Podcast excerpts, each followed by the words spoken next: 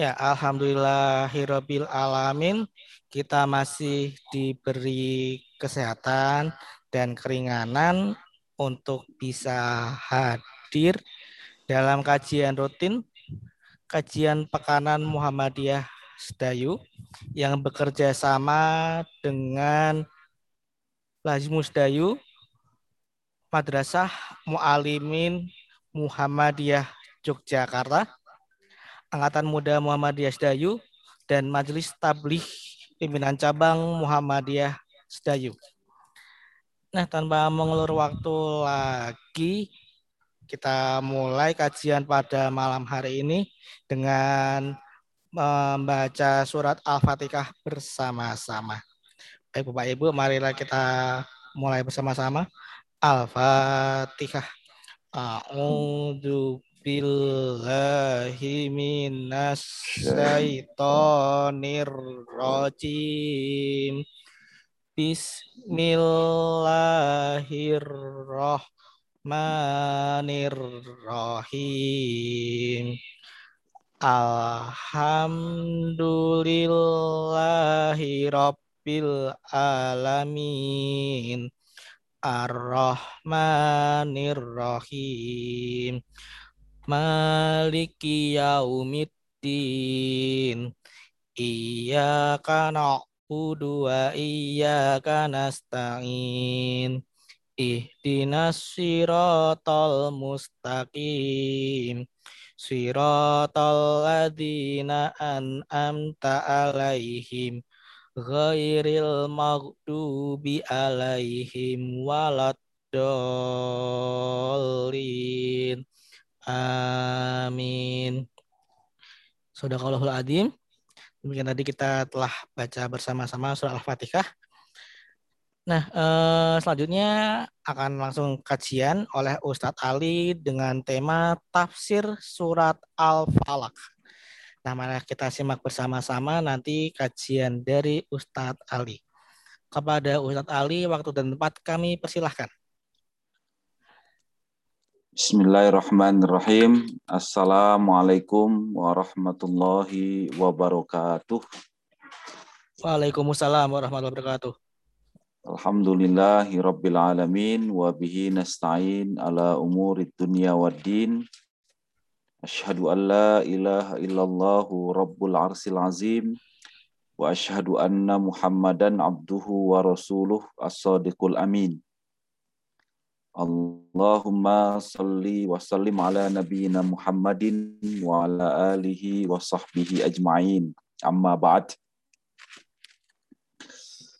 Bapak Ibu yang berbahagia yang pada kesempatan kali ini berkesempatan turut serta membersamai pengajian rutin di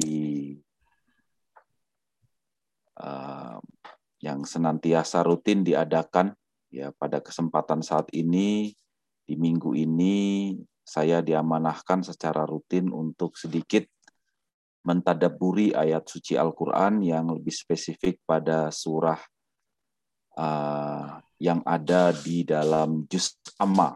Yang mudah-mudahan nanti pelan-pelan sedikit demi sedikit kita bisa uh, apa namanya terus mendapatkan pemahaman yang lebih baik sehingga kemudian proses pengamalan dan nilai kedekatan diri kita kepada Allah Subhanahu wa taala senantiasa terus uh, meningkat.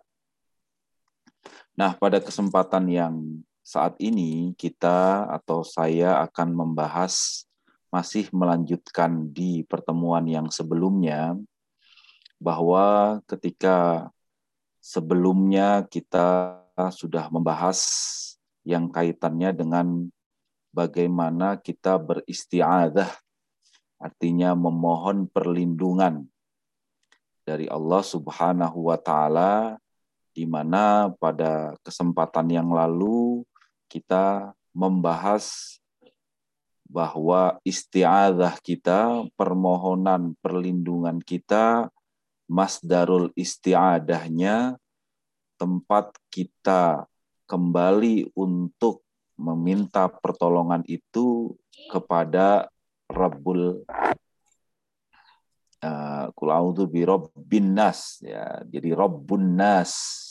Jadi dalam pembahasan yang lalu kita bicara kaitannya dengan Rabb Rabbun nas. Jadi bahkan kemudian di sana juga disebutkan masdarnya tidak saja Rabbun nas tapi ma malikun nas atau malikin nas kalau dalam ayat disebutkan juga demikian bahkan ilahin nas.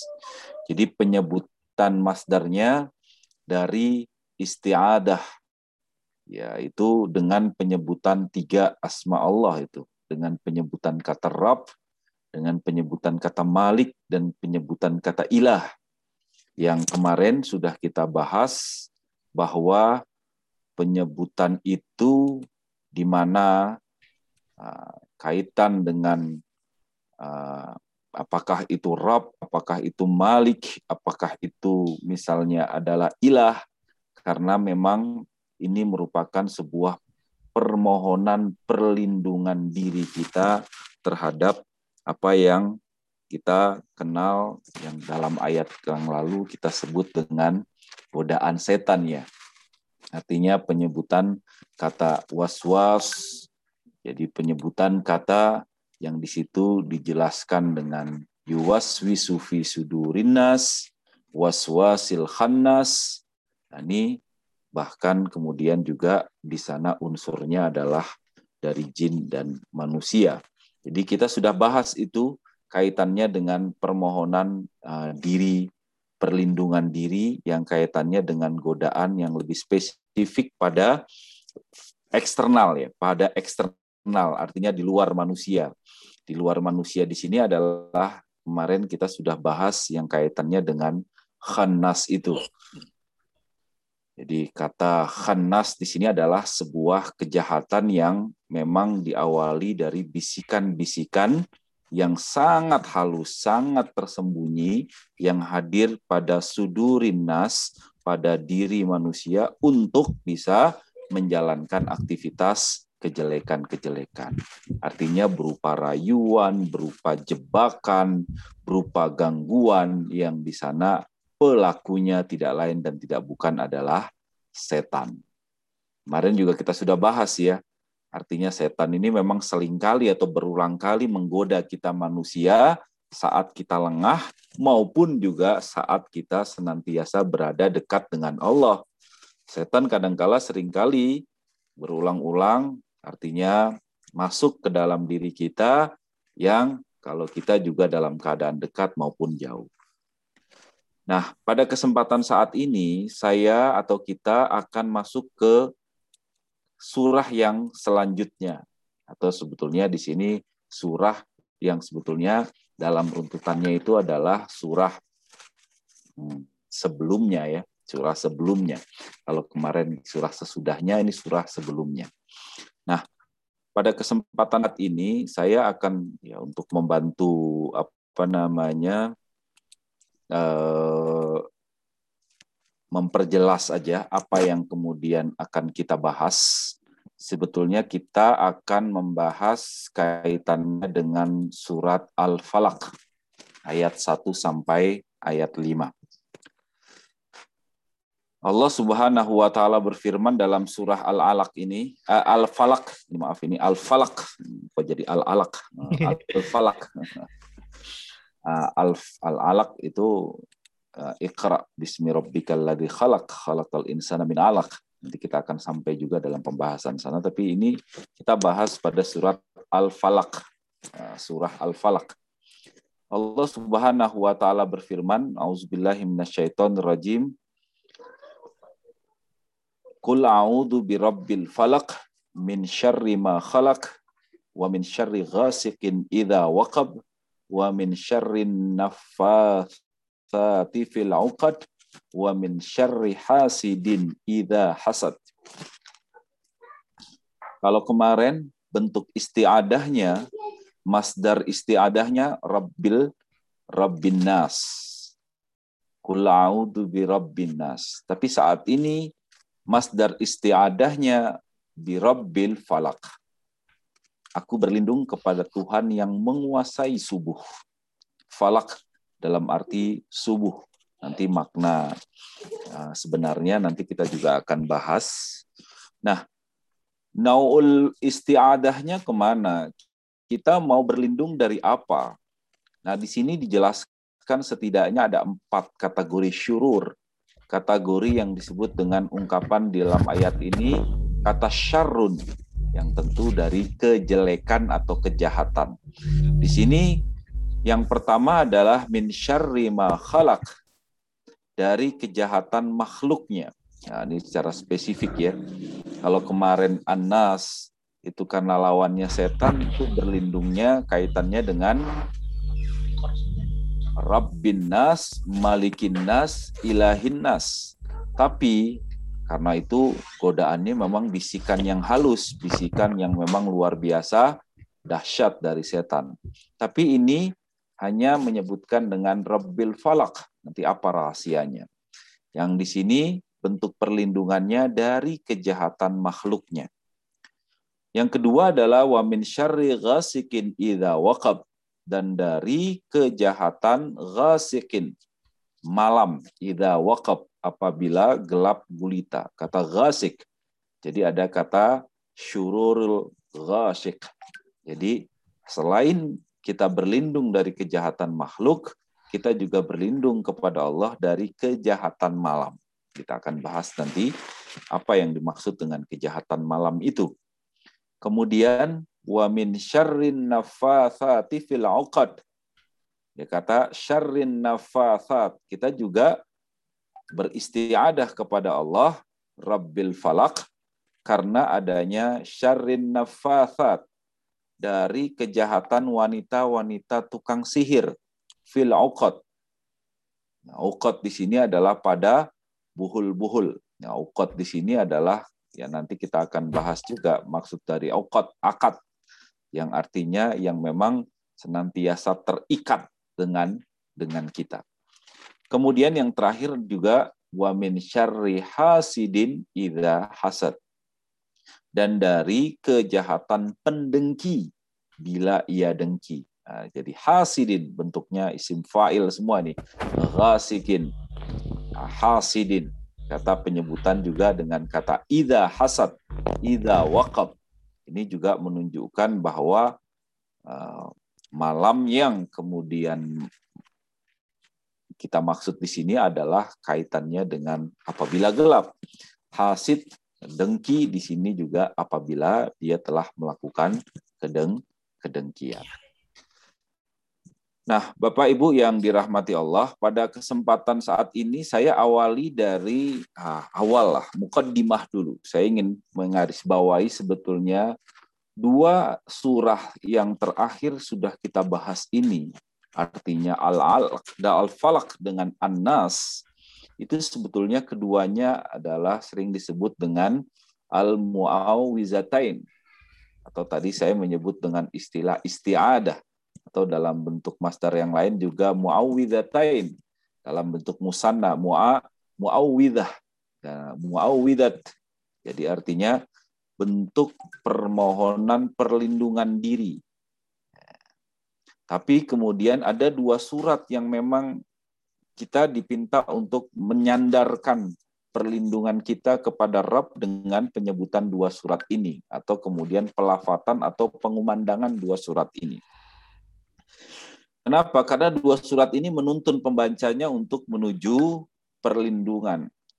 Yang sering disebut Al-Falaq ini adalah muawwizatul ula yang kemudian An-Nas itu adalah Muawwizah Asa As-Saniyah. Artinya kedua surat yang kita harapkan bisa membebaskan kita dari kemunafikan. Kemunafikan, keingkaran dari godaan setan yang kemarin kita sebut dengan khannas ataupun dari kejahatan-kejahatan yang disebutkan pada ayat ini menyebut sebetulnya bahwa tema surat ini sama sebagaimana surat An-Nas itu merupakan sebuah wujud permohonan perlindungan kepada Allah Subhanahu wa taala. Dalam sebuah hadis yang diriwayatkan oleh Muslim Tirmidzi dari Uqbah bin Amr al-Juhani Allah telah menurunkan kepadaku ayat-ayat yang tidak ada bandingannya, yaitu dua ayat ini kul a'udzu birabbin nas dan kul a'udzu birabbil falak. Di mana tidak ada bandingannya yang dimaksud di sini adalah karena di dalamnya ada doa permohonan dan permintaan perlin perlindungan. Jadi memang akan cukup baik kita senantiasa membaca doa atau kemudian membaca dua surah ini atau minimal nanti kita akan bahas juga dengan membaca surat Al-Ikhlas atau tiga Kul a'udzu birabbin nas, kul a'udzu birabbil falaq dan kul a'udzu birabb kul huwallahu ahad. Nah, inilah yang disebut sebagai kita nyebutnya dengan muawwidzatain. Artinya dalam riwayat lain di sini disebutkan bahwa mohonlah perlindungan dengan membaca kedua kedua ayat atau surat, kedua surat yang eh, sudah kita bahas dan yang akan kita bahas saat ini. Karena tidak satu pun yang meminta perlindungan serupa dengannya. Ini merupakan sebuah eh, apa namanya apa namanya keagungan ya, ya, keutamaan surah ini yang luar biasa. Nah, sebelum masuk pada pembahasan, ya sama ya, memang diskusinya memang ini berurutan ini surah ini surah Al-Falaq dan surat An-Nas ini berurutan surat turunnya gitu. Artinya ibaratnya satu paket lah. Jadi rapat gitu uh, kemudian dari Alfa uh, dari An-Nas kemudian Al-Falaq. Nah, ya artinya secara asbab nuzul juga sama ya. Ada yang memahami bahwa makiyah, ada juga yang memahami situasinya madaniyah yang situasi madaniyah yang kaitannya dengan bagaimana situasi ketika Rasul Shallallahu Alaihi Wasallam kena sihir ya yang kemarin sudah kita bahas. Nah kita masuk dulu banyak mayoritas yang menyebut bahwa surat Al-Falaq ini adalah makiyah. Ini dilatar belakangi dari ya memang situasi kafir Quraisy Makkah yang ketika itu berupaya mencederai Rasul dengan ain. Yakni ada pandangan mata untuk merusak dan membinasakan. Kemarin juga kita bahas ya, jadi sama ya uh, peristiwa yang melatar belakanginya. Jadi ada kepercayaan tertentu bahwa mata melalui pandangan itu kan bisa membinasakan. Nah, memang ada orang yang memang ya memang semua kejahatan dan lain sebagainya itu bisa jadi juga kemudian kehilapan semua bisa jadi berawal dari mata. Maka kemudian Allah Subhanahu wa taala menurunkan surat Al-Falaq dan An-Nas ini di mana dalam rangka untuk Rasul bisa menangkalnya. Inilah yang kemudian menjadi bagian atau kemudian dasar bahwa ayat ini turun di dalam periode Makkiyah, artinya sebelum Rasul Shallallahu Alaihi Wasallam hijrah ke Madinah. Ada yang berpendapat berbeda bahwa ini adalah madaniyah dengan asbab nuzul yang dikaitkan dengan uh, jadi ketika itu Nabi Shallallahu Alaihi Wasallam di sini digambarkan ya pada Nabi saat seorang Yahudi Madinah yang ketika itu bernama Lubeb bin Asam menyihir beliau. Ya. Lubeb menyihir Rasul Shallallahu Alaihi Wasallam dengan media pelepah kurma yang berisi rambut beliau yang ketika itu rontok ketika disisir kemudian diambil rambutnya kemudian dilakukan sihir melalui pelepah kurma yang di dalamnya ada rambut Rasul Shallallahu Alaihi Wasallam. Mana beberapa gigi sisir beliau itu kan apa namanya uh, di situ digambarkan ya ketika beliau bersisir ketika jadi di, di sisir beliau itu kemudian terdapat 11 ikatan yang ditusuk jarum. Lalu Allah Subhanahu wa taala kemudian menurunkan surah Al-Falaq dan An-Nas ini. Nah, ini kemudian uh, peristiwa yang juga melatar belakangi kenapa uh, apa namanya surah ini turun. Uh, terlepas dari itu semua, kemudian banyak para mufasir lebih menguatkan kaitannya dengan makiyah sama juga dengan anas, karena memang setiap satu ayat dibacakan terlebas pada satu ikatan Rasul Shallallahu Alaihi Wasallam kemudian berasalingan dan ketika uh, ayat telah dibacakan terlepas seluruh ikatan itu. Jadi ini uh, peristiwa yang dialami oleh Rasul ketika itu. Jadi Nah, dalam sihir tadi itu karena terdapat 11 ikatan yang disudabun dari ketika dibacakan ayat, dibacakan ayat itu dari 11 itu berarti kan surat An-Nas itu kan 1 sampai 6 ya kan? Kemudian surat Al-Falaq ini 1 sampai 5. Jadi setiap ayat, setiap ayat, setiap ayat kemudian Rasul terasa lebih ringan dan kemudian terlepas dari ikatan yang tadi uh, sihir tadi itu, uh, sihir tadi itu. Namun demikian, ada uh, riwayat ini ditolak banyak mufasir. Salah satunya adalah Ibnu Kasir, karena beliau menguatkan bahwa surat Al-Falaq dan surat An-Nas itu adalah surat Makiyah sebagaimana argumentasi yang pertama ini. Jadi artinya ada peristiwa yang kaitannya dengan uh, kafir Quraisy Mekah dalam rangka untuk mencerdai Rasul yang kaitannya dengan penyakit ain itu. Eh, Bapak Ibu yang dirahmati Allah, pada kesempatan ini saya awali sebetulnya kandungan surah ini sebetulnya tadi saya sudah awali ya, bahwa ini adalah bentuk istiadah, bentuk permohonan perlindungan. Nah, tempat kita berlindung itu di sini disebutkan kepada Allah Subhanahu wa taala yang di sini disebutkan Rabbil Falak. Kemudian dari macam perlindungan eh, kita memohon perlindungan perlindungan apa? Nah, perlindungan dari syururil makhluk, dari kejahatan makhluk, syururil ghasik, dari kejahatan yang kaitannya dengan malam, syururin nafasat, jadi syurur yang kaitannya dengan wanita-wanita penyihir kita juga akan uh, diskusi nanti juga kaitannya dengan itu. Kemudian syururil hasid. Jadi syururul hasid artinya dari kejahatan-kejahatan para pendengki. Nah, nah inilah yang setidaknya empat yang harus kita waspadai yang kaitannya dengan uh, surat Al-Falaq ini. Ada kejahatan makhluk yang harus kita waspadai dan permohonan perlindungannya itu hanya kepada Rabbil Falak. Kemudian dari kaitannya dengan malam, ya, kita harus meminta pertolongan kepada Rabbil Falak, kemudian dari syurun nafasat dan syurul al-hasil. Nah, baik, saya awali dengan ayat yang pertama, a'udhu bi rabbil falak. Jelas ya, ungkapan kata kul yang artinya adalah katakanlah. Jadi katakanlah wahai Muhammad. Jadi karena objek apa namanya komunikannya adalah Nabi kita Nabi Muhammad Shallallahu Alaihi Wasallam sebagai uh, yang menerima wahyu. Katakanlah wahai Muhammad.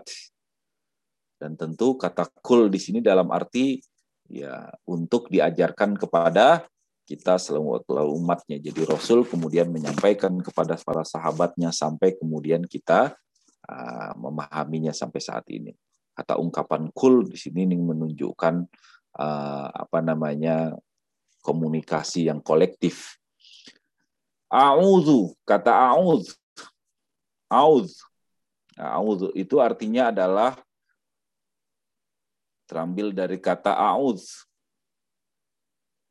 Menuju kepada sesuatu untuk menghindar dari sesuatu yang ditakuti. Berlindung Nah, di situ disebutkan dengan birabbil falak. Ungkapannya masih dengan ungkapan kata rab dalam arti yang memiliki, yang memelihara, dan yang mengatur. Yang mengawali serta yang mengakhiri. Itu kata ungkapan kata rab. Dalam tafsir Zilalul Quran, di sana disebutkan ungkapan rab di sini adalah sang pemelihara, yang mengarahkan, yang menjaga, dan yang melindungi. Ungkapan kata Rabb.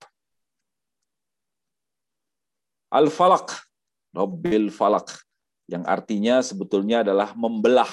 Sering diartikan tadi subuh. Kata ini kemudian dapat berarti subjek sehingga maknanya pembelah. Al-Falak, Falik, Al-Falak. Nah, bisa juga kemudian Al-Falak dalam arti objek yang dibelah. Nah, sering kemudian ungkapannya di sini adalah dalam arti subuh. Ya, ungkapannya adalah Rabbil yang mampu membelah dari malam kemudian menjadi siang. Nah, itu kaitannya dengan itu. Nah, Sebagian ulama menafsirkan kata al-falak ini dalam arti pagi atau subuh. Sebab kata malam itu tertutup dan kehadiran cahaya pagi dari celah-celah kegelapan dapat menjadikannya bagai terbelah. Ya, gitu kan. Jadi Rabbul Falak artinya adalah bahwa Allah Subhanahu wa taala sebagai Rabb yang memiliki kemampuan atau kuasa yang menjadikan pagi dan kemudian membawa terang dan kemudian muncul di tengah kegelapan. Membelah. Membelah. Ungkapan pagi dalam arti kan disebut dengan membelah. Di sana diungkapkan juga dalam sebuah hadis dijelaskan bahwa al-falak di sini dalam arti subuh. Demikian juga para para sahabat-sahabat yang mengartikan demikian begitu juga disandarkan para uh, yang disandarkan dalam para hadis-hadis yang disebutkan. Di sini misalnya uh, dalam arti uh, di sini Said ibnu Jabir, kemudian Katadah dan kemudian juga para mufasir-mufasir yang lain dalam arti mengartikan dalam arti subuh. Walaupun kemudian Ibnu Abbas Memberikan arti juga dalam arti al-falak itu adalah makhluk. Dari makhluk. Falak itu dari kata yang kemudian diartikan makhluk. Dalam kitab sahihnya, kemudian Imam Bukhari lebih berpendapat pada pendapat yang pertama dalam arti su, subuh. Artinya, saya, saya buat tebal di sini, dengan menyadari bahwa Allah mampu membelah kegelapan malam dengan terangnya pagi, seseorang akan yakin bahwa Allah juga kuasa menyingkirkan kejahatan-kejahatan dan kesulitan dengan menurunkan pertolongan. Jelas dong. Kenapa? Dengan adanya kesadaran diri kita bahwa Allah berkuasa dan mampu membelah kegelapan malam dengan terangnya pagi. Sehingga kita jelas yakin Allah juga pasti akan menyingkirkan kejahatan dan kesulitan dengan memberikan pertolongan kepada kita.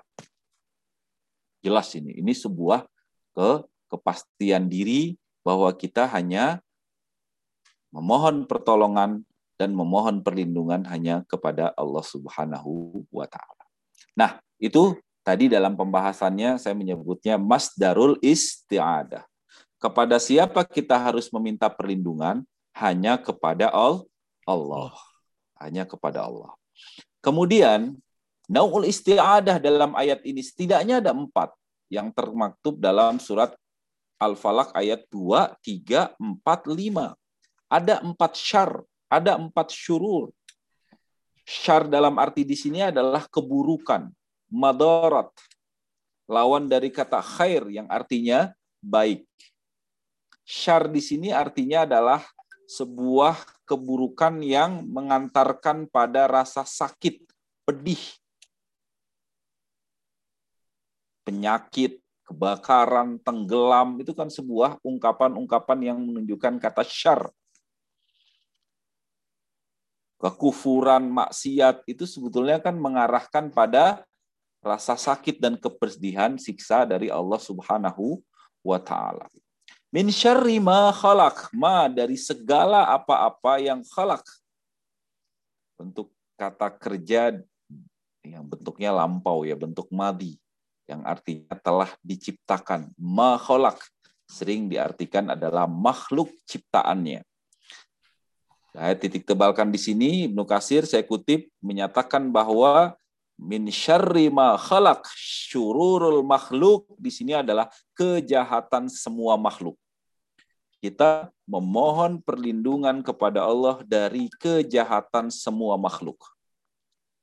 Karena ya kita nggak bisa akan selamat itu kecuali hanya kita meminta perlindungan kepada Allah yang mampu membelah gelapnya malam kemudian menjadi sebuah terangnya pagi hari. Jadi manusia siapa pun kemudian tidak memiliki kemampuan dan kepastian memberikan sebuah perlindungan perlindungan.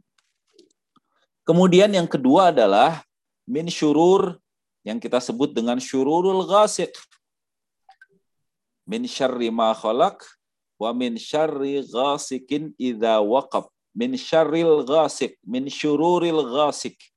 Ghasiq di sini artinya adalah malam yang berasal dari kata ghasaka yang artinya adalah penuh. Malam diartikan ghasik karena kegelapannya memenuhi angkasa. Ghasik. Tapi di sini disebutkan menarik. Ghasikin idha waqab. Waqab. Al-waqbu. Yang artinya lubang. Yang terdapat batu atau terdapat pada batu sehingga kemudian air masuk di dalam lubang itu.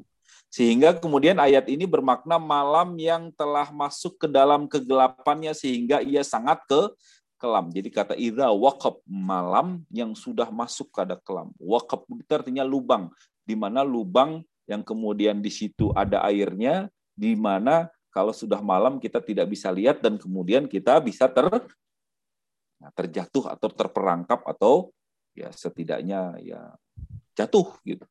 Jatuh. Nah, jatuh. Nah, kita akan telusuri gimana maksud dalam arti waktu malam ini. Kejahatan, ya kita pahami ya, sering kali kejahatan ini direncanakan memang terjadi waktu malam.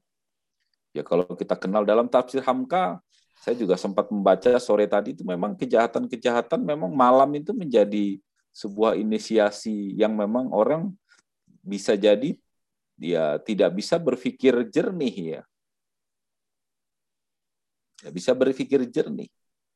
Maka kalau acara-acara malam itu acara-acara yang mungkin di televisi kalau tinjauannya adalah tinjauan psikologi manusia itu ya mungkin acara-acara yang memang suatu yang memang membangkitkan emosi seseorang yang memang ya bisa jadi uh, mengarah kepada hal-hal yang tidak baik.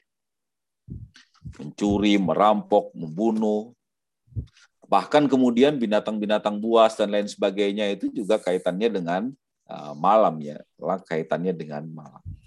Walaupun ini juga tidak berarti ya malam itu identik dengan kejahatan tertentu. Karena bisa jadi juga malam dalam arti yang sebaliknya. Malam dalam arti dua kan dalam arti kita juga akan baik sekali kalau kita memang lakukan dalam rangka untuk mendekatkan diri kita kepada Allah Subhanahu wa taala.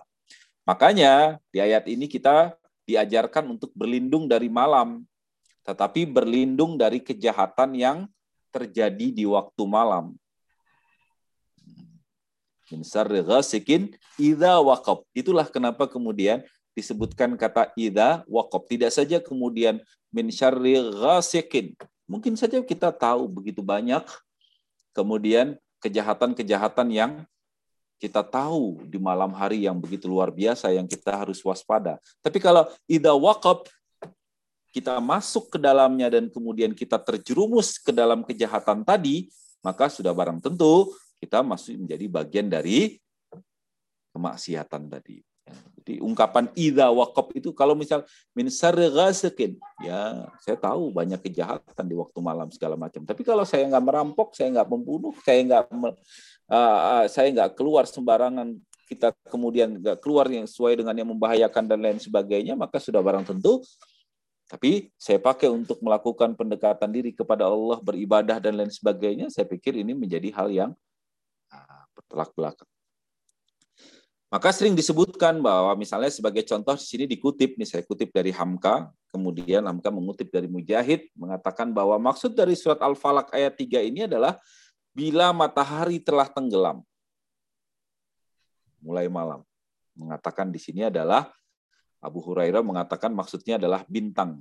Dalam hadis juga disebut dengan rembulan yang identik dengan malam ya. Adanya bintang, adanya rembulan kan identik dengan malam.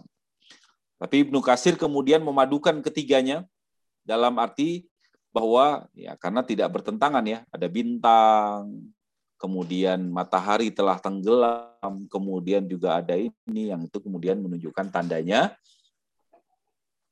malam. Karena rembulan adalah tanda malam, begitu juga bintang itu juga tanda malam.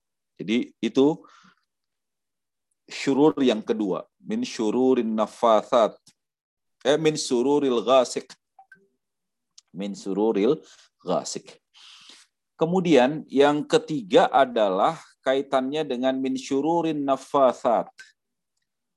Yang dalam arti kata nafasat ini merupakan bentuk nyamak dari kata nafasah.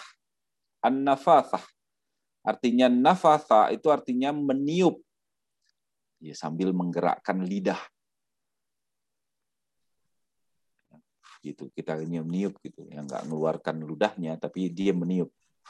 Itu kan identik dengan sihir ya.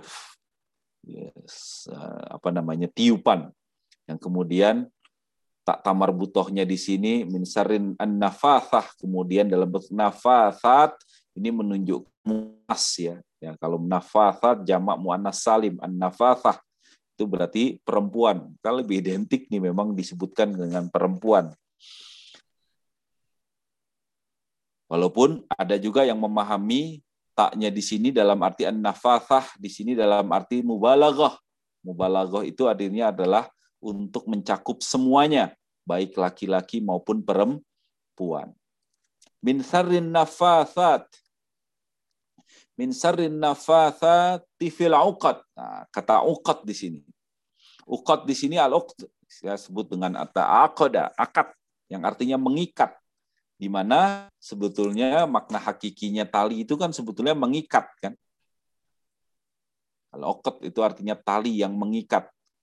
Nah, tentu kata ikatan itu kan bentuk majazinya itu kan dalam rangka sebuah kesepakatan untuk senantiasa kita pertahankan dengan kesungguhan, dengan tekad yang yang baik. Maka akad itu sering diartikan dengan sebuah ikatan. Ikatan tapi ikatan dalam rangka untuk dipertahankan ikatan karena adanya sebuah kesepakatan, ikatan dengan penuh kesungguhan dan tekad untuk senantiasa tetap mempertahankan kesepakatan tadi. Nah, ungkapan mayoritas Nah, ungkapan ini kemudian mayoritas ulama memilih makna yang hakiki, bukan makna yang majazi. Walaupun ada yang memahami makna majazinya. Artinya perempuan-perempuan yang yang ya ya di sini disebutkan dengan tiupan-tiupan pada buhul-buhul atau pada pundak-pundak atau pada jati diri seseorang untuk menyihir. Artinya disebut dengan wanita-wanita penyihir. Maka Syed Kutub kemudian dalam Zilal Quran dikutip di sini wanita-wanita tukang sihir yang berusaha mengganggu, berusaha menyakiti dengan jalan menipu indera, menipu saraf memberi kesan pada jiwa dan perasaan untuk mengalihkan uh, kedekatan kita kepada Allah Subhanahu wa taala menuju sebuah kemaksiatan. Ya banyak ya kalau baca dalam tafsir sangat kontekstual ya. Kalau baca tafsir surah di Hamka itu sangat sekali kontekstual ya dalam arti memang ya sering kita populer ya dengan sebutan dengan harta tahta, kemudian juga disebut dengan wanita di situ, yang kemudian tidak saja harta tahta yang kemudian mampu memalingkan diri kita seluruh manusia, tapi juga kaitannya di sini adalah wanita yang mampu menyihir dalam arti sihir dalam arti yang uh, hakiki maupun sihir dalam arti yang majazi. Dalam arti di sini adalah mengganggu dan menyakiti dengan cara menipu menipu daya kita. Nah, ini juga penting untuk kita antisipasi yang kaitannya dengan nafasat itu. Jadi itulah syurur yang ketiga. Kemudian yang keempat, yang terakhir adalah kita harus berlindung yang kaitannya dengan syurur, tapi syurur min syururil hasid. Min syururil hasid. Artinya iri hati, dengki. Kita juga harus berlindung kepada Allah dari perasaan hasid, hasad, iri hati. Min syarri hasidin idha hasad. Nah, ini dijelaskan nih, idha hasad. Idha hasad di sini menunjukkan bahwa harus sudah dilakukan dan diucapkan. Artinya itu menunjukkan sudah dilakukan atau sudah diucapkan. Nah, memang ini ini ini sekali ya. Artinya memang benar-benar kita harus ya hanya berlindung dan bisa berlindung hanya kepada Allah Subhanahu wa taala. Kita sulit ya bebas dari iri hati, dengki. uh, iri hati dari nikmat yang dimiliki oleh orang lain yang harapannya bahwa mudah-mudahan hilang nikmat itu dari orang tadi iri dengki nah, kita dipinta untuk permohonan perlindungan dari kejahatan orang-orang yang hasad dikaitkan dengan ida hasad saat masih berada dalam hati yang hasad disebut dengan hasid tapi kejahatannya belum menimpa orang lain. Namun begitu dicetuskan dalam bentuk ucapan dan perbuatan, maka kemudian menjadi sebuah keja kejahatan. Bisa nggak di hati hasidin, kata hasid saja itu kemudian sudah kita dipinta untuk tidak iri hati dan dengki. Apalagi kemudian kita ucapkan dan kemudian kita lakukan perbuatan iri hati dan dengki kita itu. Waduh, luar biasa. Di sini dalam Jalil Quran disebut dengan dari kejahatan orang yang hasid. Itu belum mengeluarkan ucapan dan perbuatan. Baru dalam jiwanya yang mengakibatkan sebuah perasaan iri hati dan kemudian dengki tadi. Itu merupakan sebuah keburukan. Gak sulit diri kita kecuali hanya kita bisa mendapat perlindungan kepada Allah Subhanahu wa taala. Husnuzon gitu kemudian dia kemudian mau uh, berserah diri dan kemudian benar-benar yakin itu kan ungkapan-ungkapan sebuah pribadi yang memang secara khusus senantiasa meminta perlindungan kepada Allah Subhanahu wa taala. Terus terang saya ngomongnya ini terasa ringan dan mudah Saya yakin ini berat sekali ya. Min syarri hafidin idahas banget berat ini, sangat berat. Ungkapan ini luar biasa. Jadi Bahkan sekalipun orang yang hasad itu belum mengeluarkan ucapan dan perbuatannya, tapi jiwanya yang sudah mengakibatkan sebuah keburukan. Said Kutub menyatakan demikian dalam Jadi itu udah berat ya. Bersit dalam diri aja kita harapannya harus bisa di jadi orang tadi astagfirullahaladzim udah langsung diputus itu dengan istighfar tuh. Baru dalam hati sendiri saja itu. Nah, Bapak Ibu yang dirahmati Allah, maka dalam ayat ini atau surah ini yang terdapat dalam empat syurur tadi di mana masdarul isti'adahnya di situ adalah Allah sebagai Rabbil Falak. Maka ya mau tidak mau kita harus meminta perlindungan ini hanya kepada Allah Subhanahu wa taala. Dialah Rabb yang menguasai subuh dan seluruh makhluknya. Tadi dalam arti falak dalam arti subuh, Falak juga dalam arti makhluk, Rabbul Falak. Rabbul dalam arti Maka orang yang beriman harus meminta perlindungan. Perlindungan apa? Yang tadi, min syururil makhluk, kejahatan makhluk. Yang pertama. Di surat yang kedua ini sebenarnya telah merangkum segala bentuk kejahatan ya. Kejahatan makhluk di sini kemudian dirinci nih kejahatan makhluk itu. Kejahatan makhluk itu adalah kejahatan yang biasa dilakukan malam hari min syururin nafas apa namanya uh, syururi uh, qul a'udzu birabbil falaq min syarri ma wa min syarri ghasikin ya, syururin ghasikin ghasiq syururil ghasiq kemudian syururin nafasat kejahatan wanita-wanita tukang sihir yang mampu kemudian mengalihkan pandangan kita terhadap ketaatan terhadap Allah Subhanahu wa taala dan dari kejahatan pendengki bila ia dengki. Ini min hasidin syururil hasid. Ini ini ini kejahatan manusia. Jadi kalau kemudian surat An-Nas itu lebih spesifik dari kejahatan setan yang bisikan-bisikan halus, tapi ini adalah kejahatan manusia. Maka saya tutup ya dengan ungkapan yang kemudian Rasul Shallallahu Alaihi Wasallam senantiasa ya menyampaikan kepada sahabatnya khususnya di sini Ibnu Abbas. Ya Ibnu Abbas ala adulluka au qala ala ukhbiruka bi afdali ma yata'awwadu bihi al mutawidun Wahai Ibnu Abbas, maukah kamu aku tunjukkan? Di sini dalam arti maukah kamu aku beritahu ala ukhbiruka ala adulluka au qala ala ukhbiruka bi afdali ma yata'awwadu bihil mu'a yata'awwadu bihil muta'awwidun. Jadi sesuatu yang paling baik digunakan untuk berlindung Ini harus senantiasa kita praktekkan terus-menerus ini. Qala bala ya Rasulullah. Tentu Ibnu Abbas selalu menjawab, tentu wahai Rasulullah, iya wahai Rasulullah. Kemudian Rasul Shallallahu Alaihi Wasallam kemudian bersabda, kala kul a'udhu birabbil falak wa kul a'udhu birabbin nas. Hataini surataini. Kul a'udhu birabbil falak, kul a'udhu birabbin nas. Dua surat ini yang senantiasa menjadi pegangan dalam rangka untuk benar-benar kita meminta perlindungan. Nah, saya pikir tidak saja kemudian dalam arti hafal ya, tapi juga dalam arti mengerti kandungannya, tapi juga dalam arti bahwa apa namanya uh, dalam arti uh, apa namanya paham isi kandungannya, ya, paham isi kandungannya, dan akhirnya kalau dia paham isi kandungannya dan lain sebagainya, maka sudah barang tentu, insya Allah dia pasti senantiasa tergerak dalam hatinya untuk senantiasa meminta perlindungan diri kepada Allah Subhanahu wa taala.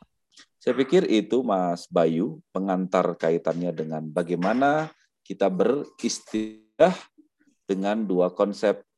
Dengan masdarul isti'adah kalau dalam surat An-Nas masdarul isti'adah kita adalah kepada Rabbin Nas, Ilahin Nas, Malikin Nas itu tapi kemudian di ayat ini kemudian ditunjukkan dengan Rabbil Falak karena kaitannya dengan kejahatan makhluk.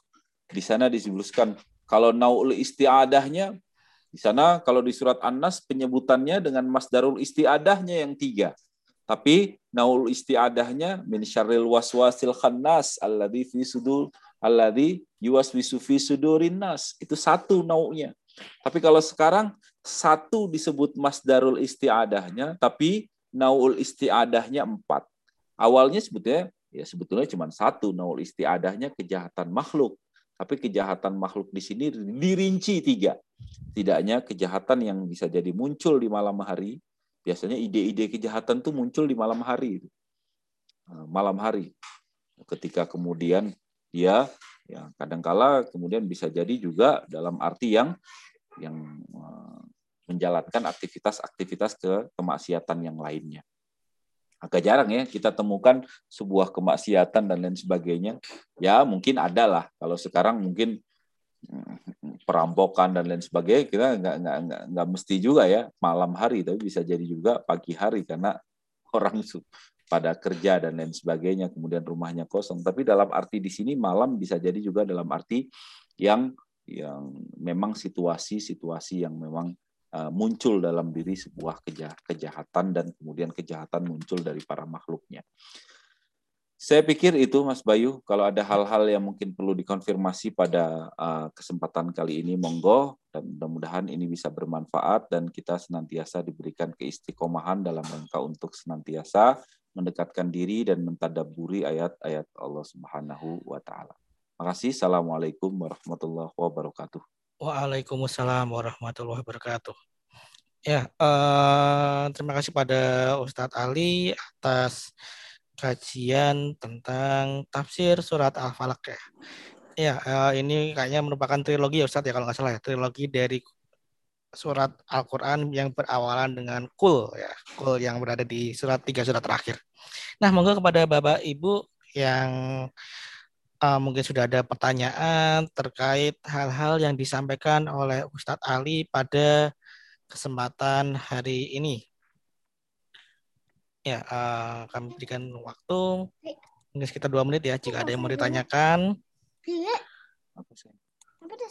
Bisa lewat kolom chat atau bisa langsung menyalakan mikrofonnya supaya bisa kami dengarkan pertanyaannya.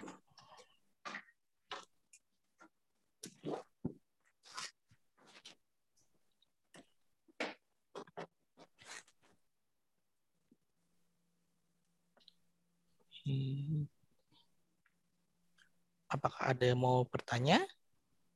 Ya, mudah-mudahan memang ya tidak saja hafal dan kemudian juga tapi senantiasa dibaca dan senantiasa dibaca ini juga senantiasa ya dipahami maksud dan kandungannya. Artinya ya memang kalau dia pahami maksa dan kandungannya ya insya Allah dia akan senantiasa ya meminta perlindungan tadi perlindungan tadi kalau nah, ungkapan istiadah itu menarik ya Ustadz Ali ya bahwa uh, tentang al falak ini waktu subuh ya kalau nggak salah ya waktu subuh. Iya.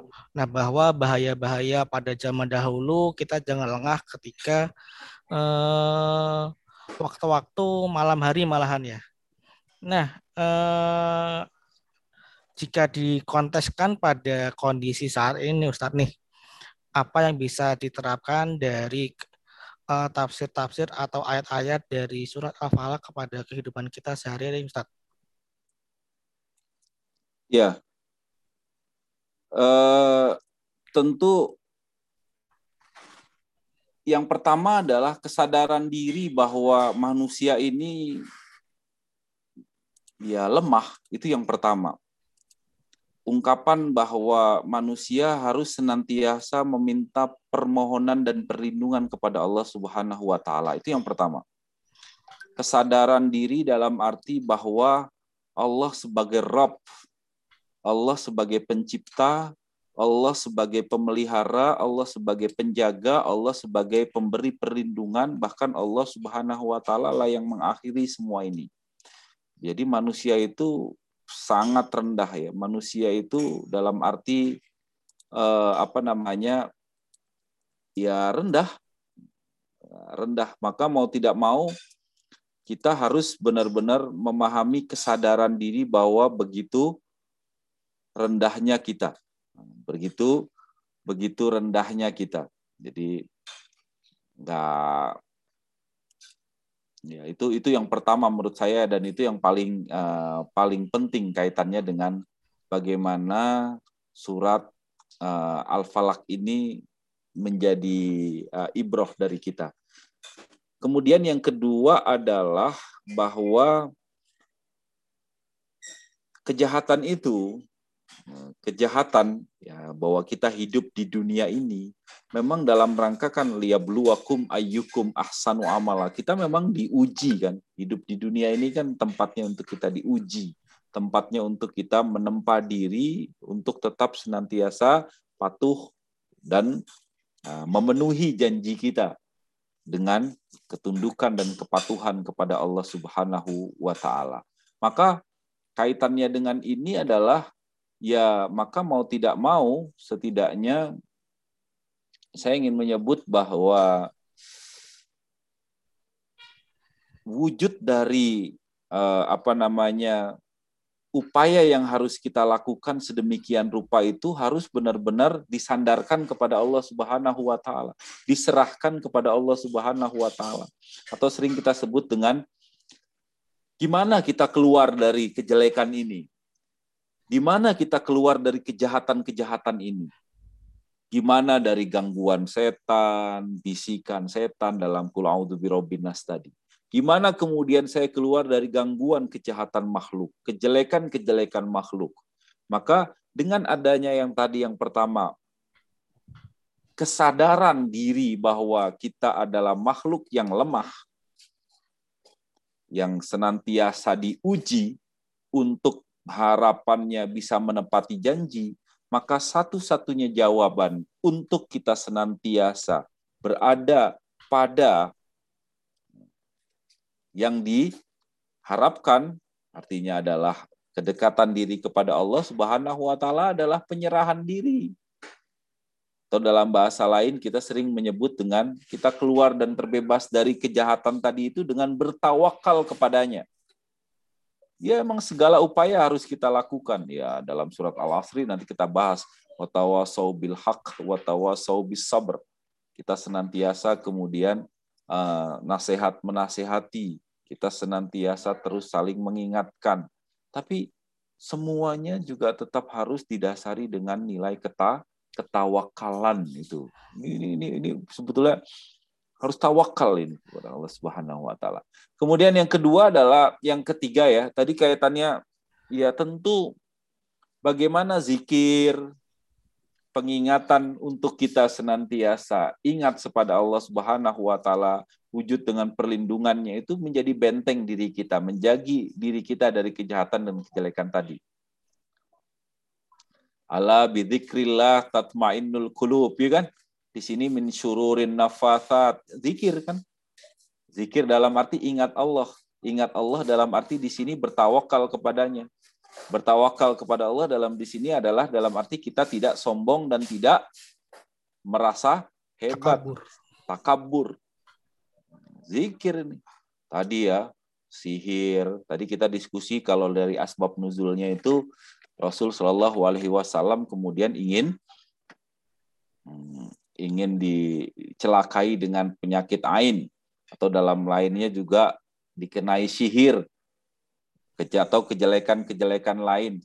Nah, insya Allah itu kalau kita ingat dengan ya zikir, ingat kepada Allah dengan mengucapkan dan kemudian menyebut asmanya, saya pikir insya Allah kita akan terjaga itu dari kejahatan-kejahatan dan kejelekan tadi itu. Ya insya Allah. Nah itu bentengnya, itu benteng yang paling kokoh ya. Di mana kita banyak manusia itu kadang-kadang lupa ya.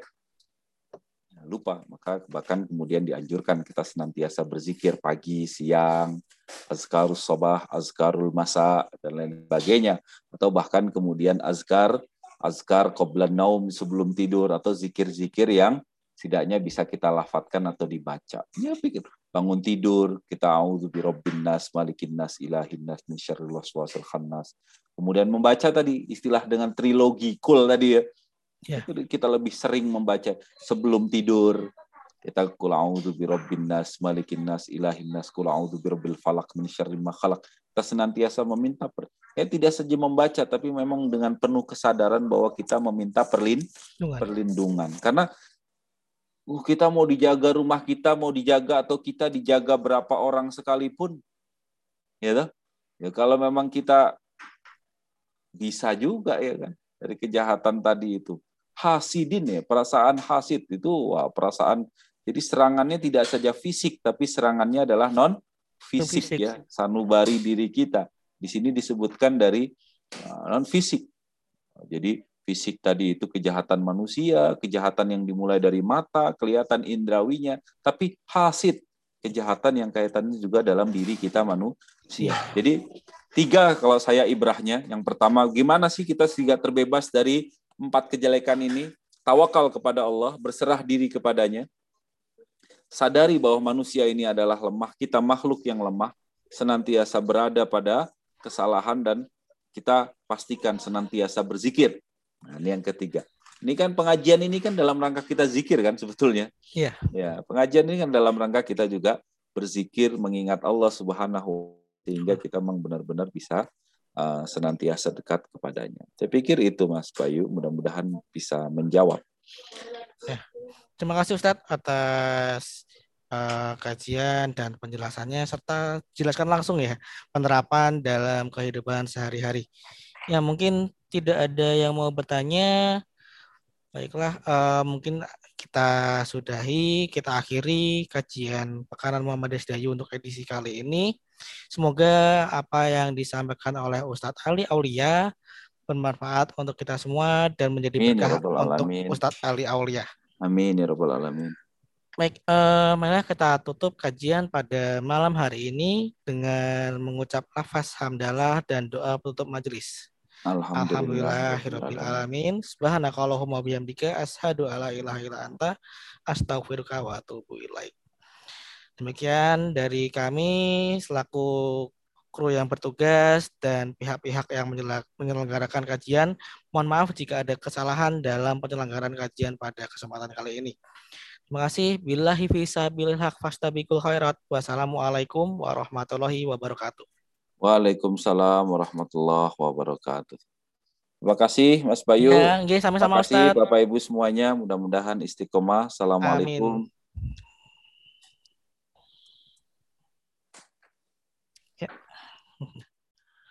Waalaikumsalam warahmatullahi